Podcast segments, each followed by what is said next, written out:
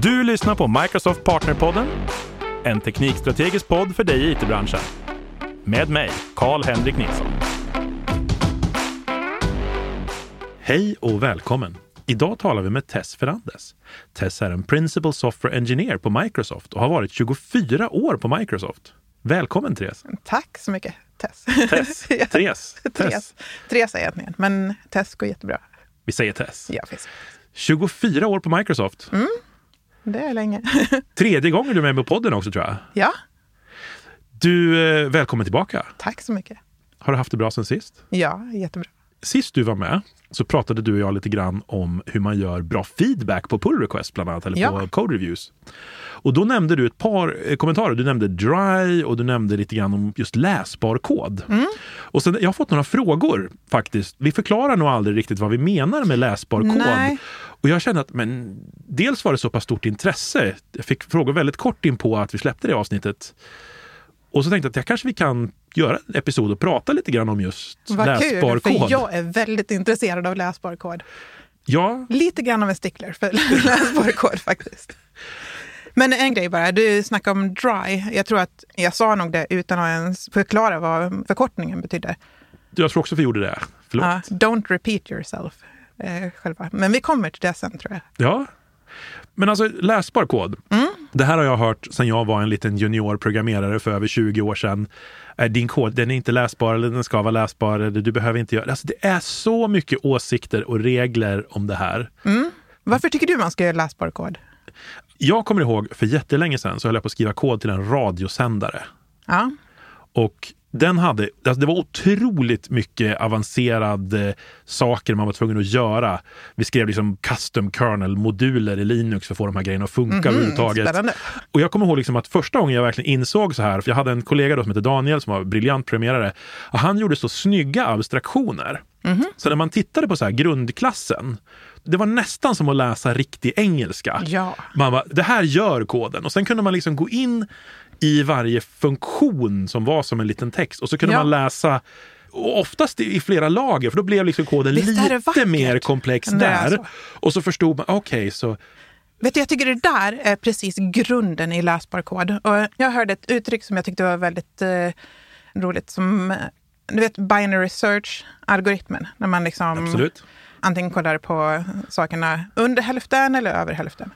Om man tänker på samma vis med kod, så när du ska gå in och så ska du kanske ändra någonting, så är det ju väldigt, väldigt snyggt om du direkt kan gå in och se vilken del av koden du ska ändra i. Just liksom för att du har en snabb överblick där på liksom 100-fotsnivån på just när du kommer in i main-funktionen eller vad det nu kan vara. Så du direkt kan gå in och se, ja ah, okej, men jag kommer ju behöva gå in i funktionen som handlar om att connecta till vad det nu var för någonting. du, du connectade. Jag har till och med glömt bort vad produkten heter. Det var en multiplexer ifrån Ericsson för att hantera många radiokanaler på Ja. en Ericsson Minilink radiosändare. Precis. Men om vi säger så här, jag antar att du fick lov att konfigurera den på något vis i Absolut. koden och grejer. Så just gå in i den delen som handlar om att konfigurera radiosändaren. Liksom. Mm. Istället för att behöva kolla igenom en massa kod som kanske heter någonting jättekryptiskt för att se vart det är. Och så just om man har sådana här grejer så att man kan läsa det först från 100-fotsnivån så kan du också när du debuggar igenom det så kan du bara skippa stora delar av koden tills du kommer till det ställe där du tror att problemet har uppstått. Så man sparar ju otroligt massa tid på att göra just... Ja, precis. Man använder jump over-funktionen. Exakt. Jag vet nog ganska många utvecklare som inte ens vet att det finns en jump over. De använder, de använder så här step, Oj, oj, into, oj. step into-funktionen i allt och bara går igenom all koden. Liksom. De har inte ens jump over-knappen i, i minnet. Så eh, man kan ju säga så här, det gjorde ju kanske också att du förstod exakt vad koden gjorde. Och en grej som händer är ju liksom att om man skriver läsbar kod så förstår man bättre vad koden gör och undviker en massa buggar som skulle vara där om man inte förstod vad koden gjorde. Så jag tror att läsbar kod, eller jag tror inte, jag vet att läsbar kod ger mycket färre buggar. Precis, men vi säger läsbar kod. Och en av dem som jag tänker, om vi ska försöka vara lite mera hands-on, mycket svengelska här, eh, men om vi ska liksom verkligen ge så lite konkreta råd och tips, det är just att man kanske ska använda lite mer abstraktion eller mer... Flytta, Hierarkin liksom i koden. Precis. Man, ja. Man flyttar ut koden i funktioner så att det går att läsa vad den faktiskt Ja. gör och så kan den bli gradvis mer komplex. Precis. På varje nivå ska det vara ganska enkelt. Och så sen kan man liksom plocka in delarna av koden, som du säger, i mindre funktioner och så. Man kan säga så här att eh, tips nummer ett i läsbar kod är ehm, att skriva funktioner som eh, för det första bara gör en grej. Så de faktiskt bara konfigurerar upp radiosändaren till exempel.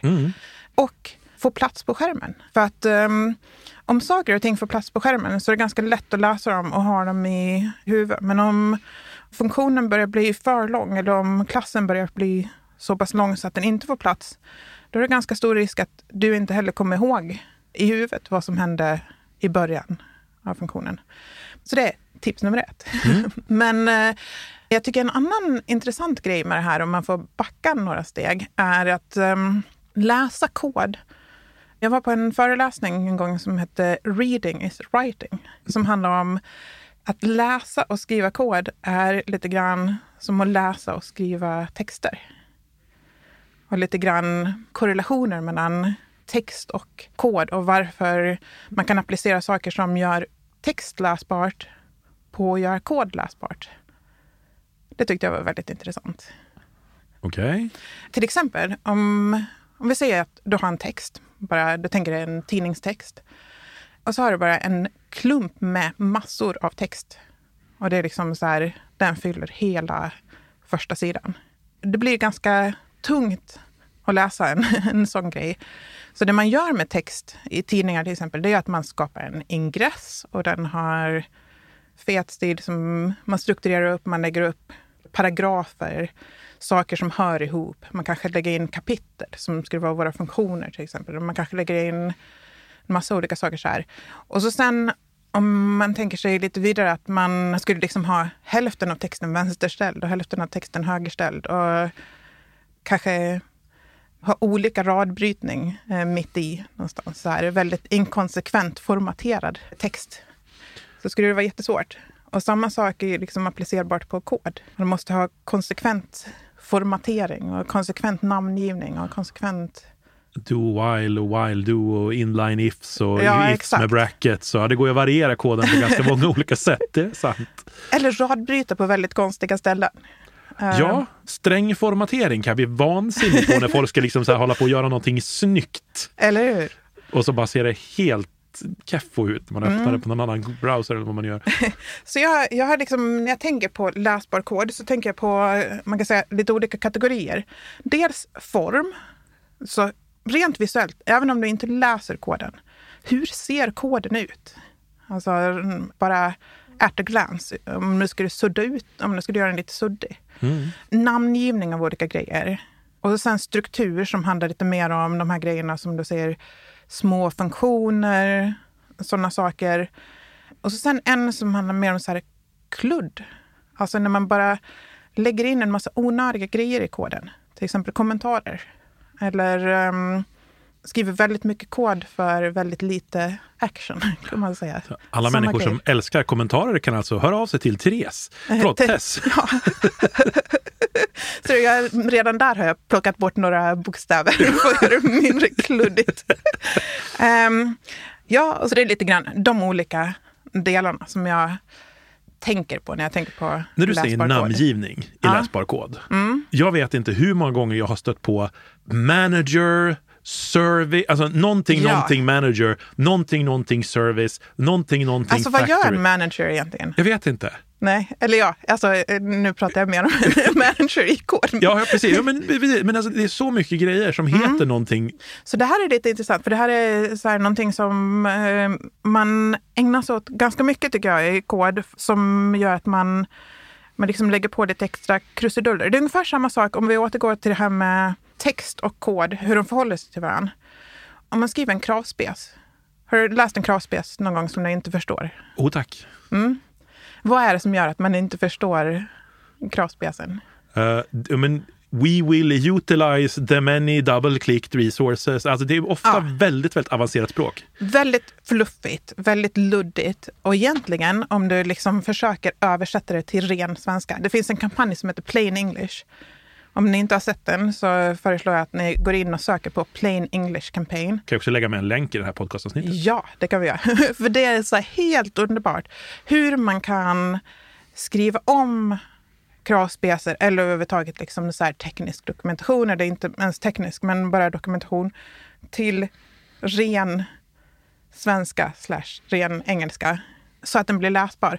Helt plötsligt, så när man försöker skriva om saker till ren engelska så får man reda på att det här kravet som du skrev om eh, utilize our resources to better communicate with our, vad det nu kan vara för någonting, betydde inte ett dugg. För att eh, det är först när man får dem på ren engelska som man fattar att det var bara fluff. På samma vis så har man liksom de här grejerna som man bara fluffar till lite grann på i kod. Till exempel lägger till ett manager eller en service eller en proxy eller verifier eller någonting som ser bra och professionellt ut men som egentligen inte tillför någonting.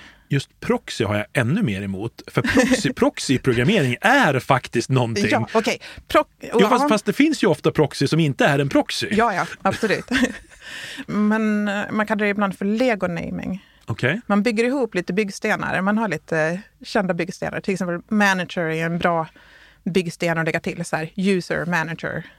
För att helt plötsligt har man gjort det legitimt att lägga alla funktioner som har någonting med usern att göra i en klass. För någon Ja. som managerar den här usern. Och ganska ofta, jag har en liten teori jag jobbar på där. Jag upplever att jag stöter på manager och service och alla de här på ställen där det var inte en service man kunde bryta ut och faktiskt göra en tjänst av i- liksom, i sitt system. Nej. Men det kanske var någonting som skulle ha varit någonting i stil med ett internt NuGet-paket och faktiskt fått ett riktigt litet projektnamn. Ja, så kan det ju vara. Eller så kan det bara vara så här en gruppering av alla funktioner som gjorde någonting med den här äh, produkten. Eller gjorde någonting så här. Ja. Där man skulle kunna tänka sig att man skulle kunna ge det, bryta ut dem och göra dem, istället liksom lägga de saker som hade någonting med, vad ska jag säga, liksom, och faktiskt spara dem till databasen, kan få ligga i ett repository. Repository tycker jag ändå är ett ganska okej namn. För att det förklarar, det säger ändå vad man gör. Det här är någonting som lägger till eller tar bort eller hämtar Jag, saker. jag som, säga, ja, det gör det om du vet vad ordet betyder. Jag tror Ja. att det är väldigt många svenska utvecklare som kanske inte riktigt kan definitionen. Jag kunde Mm. den inte förrän du sa den nu. Okej, men det hanterar ju liksom att lägga till eller hämta någonting eller ta bort också i en datastore Ja. Men de kan man ju bryta ut separat. Och så kanske du kan bryta ut sådana saker som till exempel har göra med att hantera produkten i en order i en speciell klass. Att man, Mm. Men vad man ska ger, man kalla de klasserna för? Ja, men det de gör. Det beror väldigt mycket på vad, den, vad de funktionerna har för gemensam nämnare, om man säger. Mm. Men eh, manager är ju bara liksom en slasklåda. Ja, Problemet med att göra en sån slasklåda det är ju att det är svårt. För det första blir de jättestora. Sen kräver de väldigt mycket dependencies oftast. Där kanske hälften av dependenciesen inte är relevant för hälften av funktionerna. Och då blir de väldigt mycket mindre testbara i ett språk som C-sharp. jag tror också att ord som manager ofta skapar sämre kod. Ja, För jag, jag tänker så här, om du istället skapar en user administrative class, då är den bara till för kod som faktiskt administrerar dina användare. men administrerar, liksom skapar och eh, ändrar, eller? Ja, men precis. Mm. Eh, om vi säger, men om du ska sen kommunicera med dina users, alltså du ska hämta information eller någonting Ja. sånt, då är det ju inte en del av den klassen. kanske var ett dåligt exempel, men du är Mm. med på vad jag menar. Alltså, just när du har en user manager, Ja, en user manager kan göra allt. exakt. Den har liksom ingen, det finns ingen definition för liksom hur vi plockar bort Nej. den, fastän att man kanske använder user-konceptet i många olika domäner. Mm. Liksom. Man kan nästan säga att alltid när man har någonting som slutar på ER så är det oftast en slasklåda. Manager, controller, ja, det finns en massa olika sådana här namn som blir slasklådor. Som man tycker, ja men alltså det där är engelska, ja men det där var ju ett engelskt ord som används väldigt ofta i kod. det borde jag också... Ett annat sätt att skapa väldigt mycket så här clutter är ju liksom att använda en massa patterns som faktiskt inte behövs. Det är väldigt många patterns som är bra, men man ska använda dem där de gör nytta och Mm. inte använda dem bara för att jag är en senior utvecklare och jag borde använda patterns. Det är inte en orsak till att använda ett pattern. Nej, och jag tycker heller också att bara för att du använder ett pattern som kanske är lite så här äh, mer obskyrt. Du behöver inte döpa din klass efter ditt pattern som Nej. du har valt. Det ska vara uppenbart vad du har gjort, kan jag tycka. Exakt. Annars är inte koden läsbar. Du måste berätta för mig att du använder jag vet inte, strategy pattern och du måste berätta det för mig. Då tror jag att vi har... Exakt. Man kan säga om man försöker komma mer domännära i sin namngivning istället för att eh, namnge din klass per det patternet som du använder och istället använder jag vet till exempel en kompis till mig som jag tror att du har haft eh, här förut, Chris. Ja, Eh, gud ja.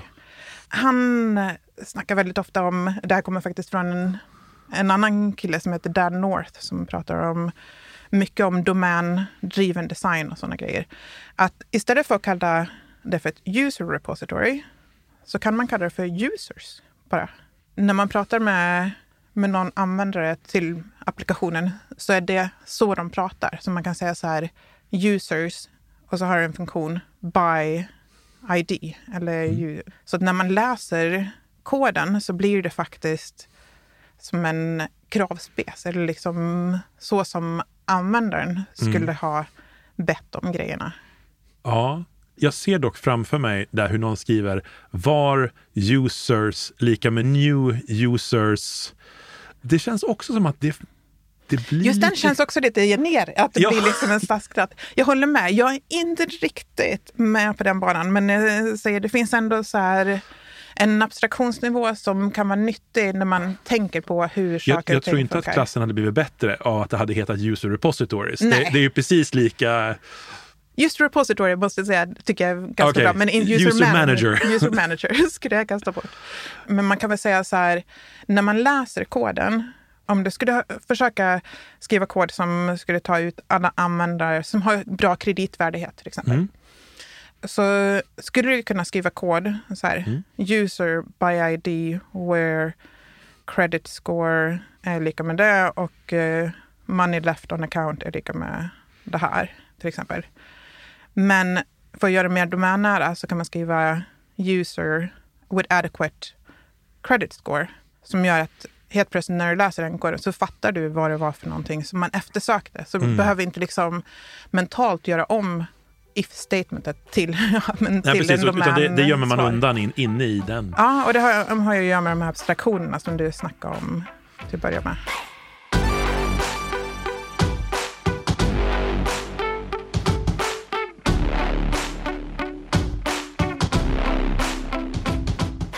Om vi pratar typ eh, struktur av kod, kan man göra något där för att göra koden mer läsbar? Alltså med strukturen, då är det liksom lite grann det vi har varit inne på. Med att eh, man gör funktioner som gör en sak, man gör hierarkin och alla de här grejerna. Men en grej som jag tycker, det här är bara ett pyttelitet tips men väldigt eh, vettigt, det är så här, använd inte negationer så mycket. Som till exempel om du har en, eh, om du har en property på en, säg att du har en affär och så har du en property som heter is open så är det ju okej att säga så här, if not is open. Vi förstår det. Om du istället låter um, propertyn vara negativ, så du säger is closed, att du väljer att säga liksom, Mm. så blir det, för att göra den öppen, så ska det vara if not is closed. Då måste du göra en dubbel negation i huvudet. Mm. Det är väldigt mycket svårare för hjärnan att liksom läsa en dubbel negation jämfört med att säga ha den positiva delen i det här fallet open som property. Så um, Ja, jag förstår. knölade jag till dig Nej, men jag, jag kände verkligen hur det var så tilt i huvudet när jag försökte tänka is not, not is open, Not is closed. not is closed. Ja. så det... Mm. Får jag hoppa tillbaka till naming igen, igen för det här? Absolut. Mm. Du känner starkt för naming känner jag. Ja, för att jag tror att så här, speciellt... Jag har faktiskt hållit på i ett helt år med Leet Code Challenges. Ja. Bara en, en sån grej. Jag kom in på det faktiskt, som, eh, vi snackade om code reviews förra gången jag var här. Mm. Och i en code review så var det en av mina kollegor som sa så här, use memoization here. It would save a lot of round trips to the database. Och jag blev så här, memoization, vad i hela friden är memoization? Och det ledde mig in i ett svart hål med leet code programming och dynamic. Ja, det betyder egentligen caching. vill jag bara säga så här för er som undrar och inte vill gå ner i ett års djupt hål med lead code. Men det jag upptäckte när jag höll på med lead code, så här competitive programming-grejer, är att det skrivs en ofantlig massa kod där man namnger saker så här. A kan vara en array. Eller eh, i eh, machine learning-världen så kallas alla tabeller där man har läst in data, som är, kallas för data frames, de kallas DF. Varenda kod som du läser, som är liksom, ska vi så, det är ju uppenbart sämsta möjliga startpunkt för att försöka förstå kod om, om ens variabler heter A och DF.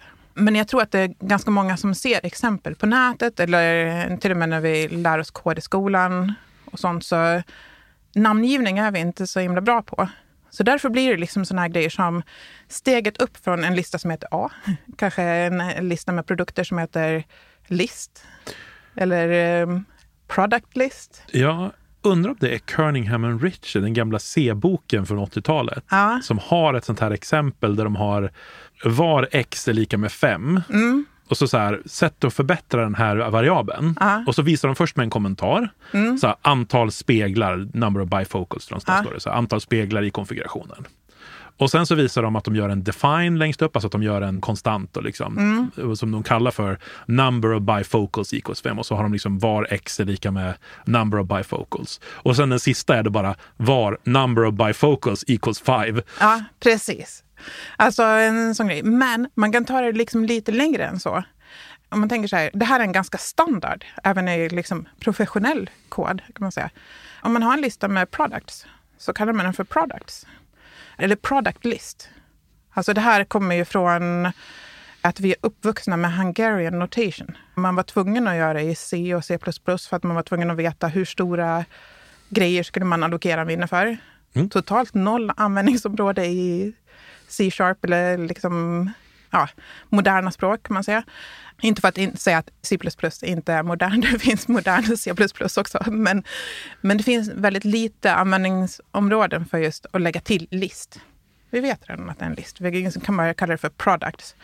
Men ett bättre sätt att säga det på är, för att om vi kallar det för product så vet vi inte om det är en eh, produktkatalog, alltså om det är en lista av produkter som man med prislista och grejer, eller om det är produkter som är en del av en order, eller så här. Så bara kalla det för products katalog, ett stort steg upp. Alltså ge kontext kring hur Mm. variabeln används.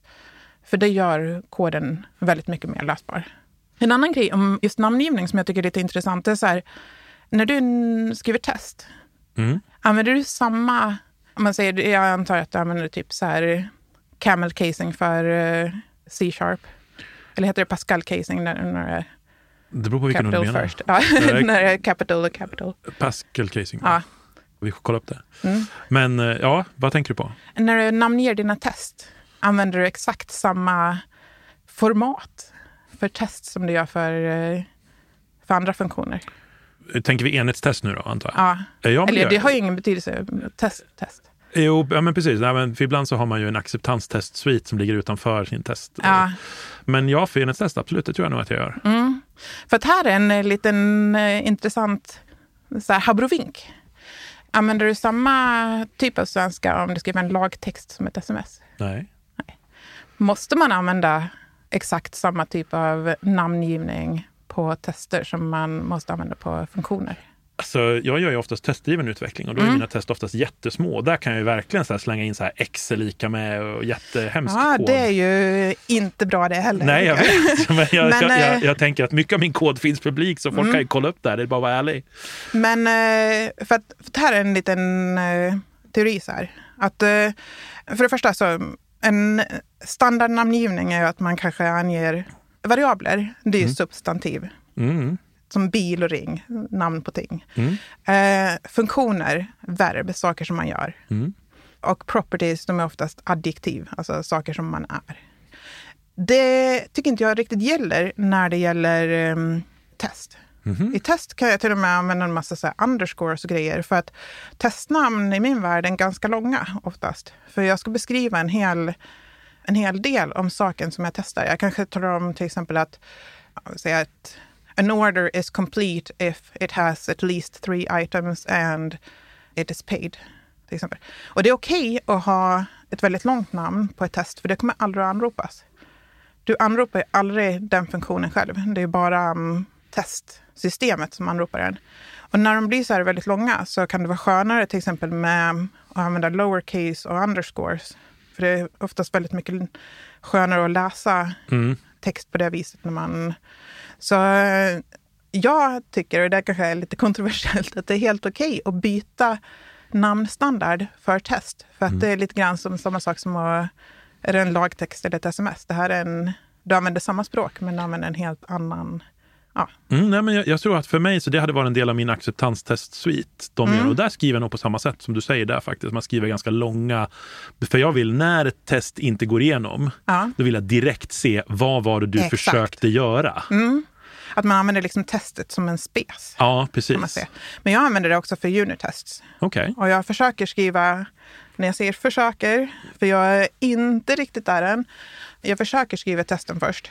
Mycket för att jag tycker att testen ska vara som en spes över vad man ska göra. Och när man skriver testdrivet tycker jag att jag skriver kod på ett mycket mer läsbart sätt. För att jag måste skriva mindre bitar. Jag måste skriva saker som bara gör en sak, ha så få dependencies som möjligt. Sådana saker. Jag tror också att det tvingar dig att tänka lite Eller på, hur? på vad du ska kalla grejer och, och alla sådana Ja. saker innan. För du har redan skrivit dem egentligen en gång. Mm. Och jag kommer inte ihåg vem det var som sa det, men min kollega Louis Hansen brukar alltid referera till det här att det finns någon sån här programmerarguru som säger att man ska skriva all sin kod första dagen och sen typ kasta bort den. Mm. Och sen så andra dagen skriva all sin kod igen och kasta bort den. För att tredje dagen, då kommer den vara Mm. kanon. I wish. jag önskar att jag hade... Det vore nice om man hade så mycket tid. Ja. Men jag tycker... För att en grej som egentligen får mig att inte skriva testdrivet, det är liksom den här grejen som gör att ja, men jag måste testa lite först. Jag måste liksom testa tre olika vägar för att komma fram till koden. Mm. Kanske lite för att jag inte riktigt har förstått kraven faktiskt. Då är vi tillbaka igen till det vi pratade om, att man ska förstå enklare språk. Liksom. Ja. Så att om jag har sjukt bra koll på kraven, då kan jag ju också skriva, börja med att skriva test som är så här, egentligen bara spesar upp acceptanskriterierna och se till så att det görs. Sen kan jag också tycka att till exempel när man skriver en story, eller när man skriver kod för en story, så kan det ju vara så att speciellt om man har distribuerade system, att man måste fixa lite där och man måste fixa lite där. Men det går ändå. Jag håller på och jobbar på det, ska säga, och komma lite mer dit. Men jag tror också just för att väldigt mycket av mina system som jag skriver idag är distribuerade system. Mm. Så har det liksom fått mig att mycket av de acceptanstest jag behöver för att verifiera att hela systemet är okej, Ja. måste på något sätt nästan ibland ligga utanför. För att de, de kan traversera multipla delar av systemet. Precis. Och det får mig då, tror jag, att liksom acceptanstestsviten blir annorlunda. Men du kan ju också till exempel göra sådana här grejer som, ja, men, som i vårt eh, projekt som vi just håller på att wrappa upp nu, så har vi ett API.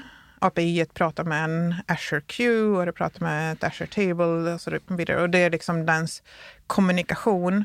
Och så sen eh, kommer man till nästa system i distributionen som är en Azure Function som läser upp från kön och skickar vidare till batch och sådana saker.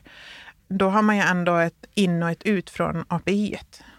Till exempel, den har ju sina egna krav. Så man kan individuellt skriva koden där. Sen att det inte finns någon funktion som är där och hämtar det nya man har svarat. Det är liksom en helt annan grej. kan man säga. Men mm, så jag tycker TDD gör att man skriver mer testbar kod. Ja, och, Eller man- och läsbar kod. Absolut. Läsbar kod. Klockan springer i vanlig Mm. fråga i varje väg. Om vi ska liksom avsluta med några så här riktiga... Vad är det viktigaste nu? Av allt vi har pratat om eller vad Mm. det som vi inte har pratat om? Vad, är det något så här vi vill lämna?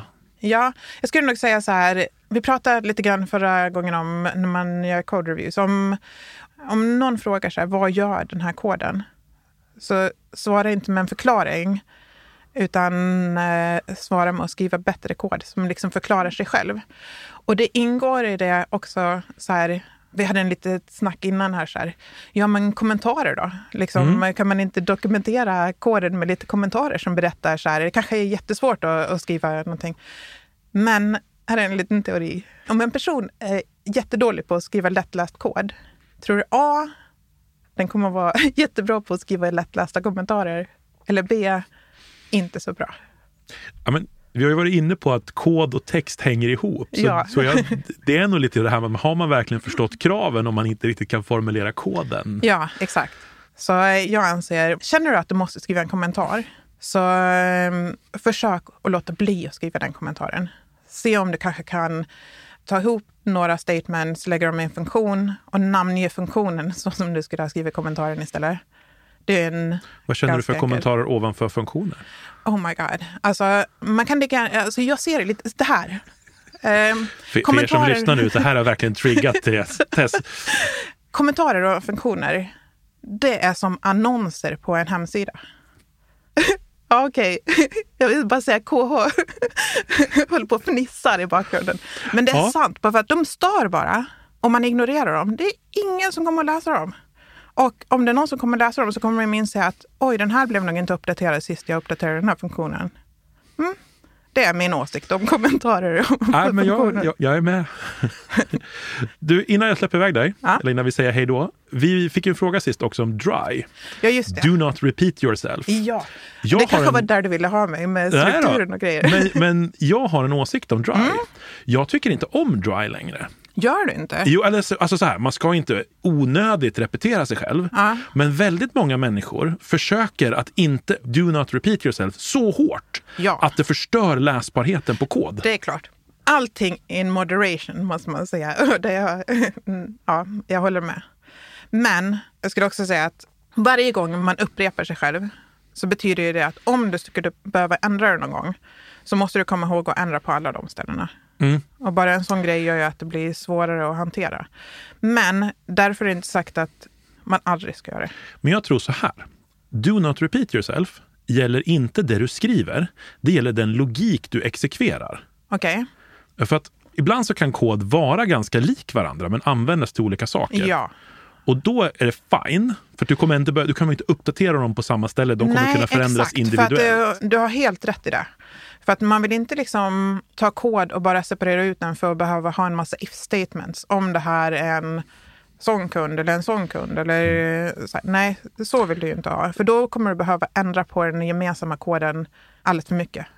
Precis. Jag är ett jättestort fan av att bryta ut saker i paket när ja. det kommer till att kunna hantera olika versioner av saker som exekveras. Mm. Men jag har också sett när man har börjat byggt servicebaserade arkitekturer där man använder pakethantering för att man inte vill repetera, så samma, skriva samma oh. kod två gånger.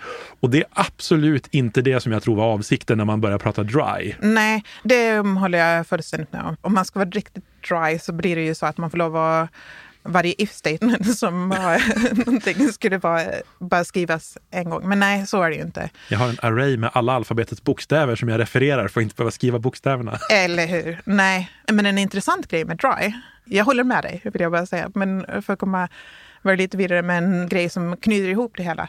Dry är faktiskt sant även för dokumentation. Väldigt bra poäng faktiskt. För när vi skriver dokumentation så är det liksom, har du skrivit samma exempel på flera ställen i din dokumentation, då måste du också ändra den. Våra team applicerar väldigt ofta dry-principen på dokumentation också. Mm jag gillar ju de här, alla de här markdown-genereringarna man kan ha idag. Man kan ha ett exempel som markdown-fil och så kan man referera den var man vill mm. i dokumentationen. Ett ställe att ändra på. Mm. Jag tror hela Microsoft Docs är uppbyggt på den principen. Liksom. Det funkar ändå rätt bra. Mm. I like it. Ja. Du, klockan springer otroligt mycket iväg. Ja. Jag tror det här blev ett väldigt långt avsnitt. Men återigen, tack så hemskt mycket för att du kunde tid att komma hit. Det var superintressant och väldigt roligt. Tack så mycket. Tack själv. Du har lyssnat på Microsoft Partnerpodden med mig, Karl-Henrik Nilsson. Som vanligt hittar du information och resurser på aka.ms partnerpodden.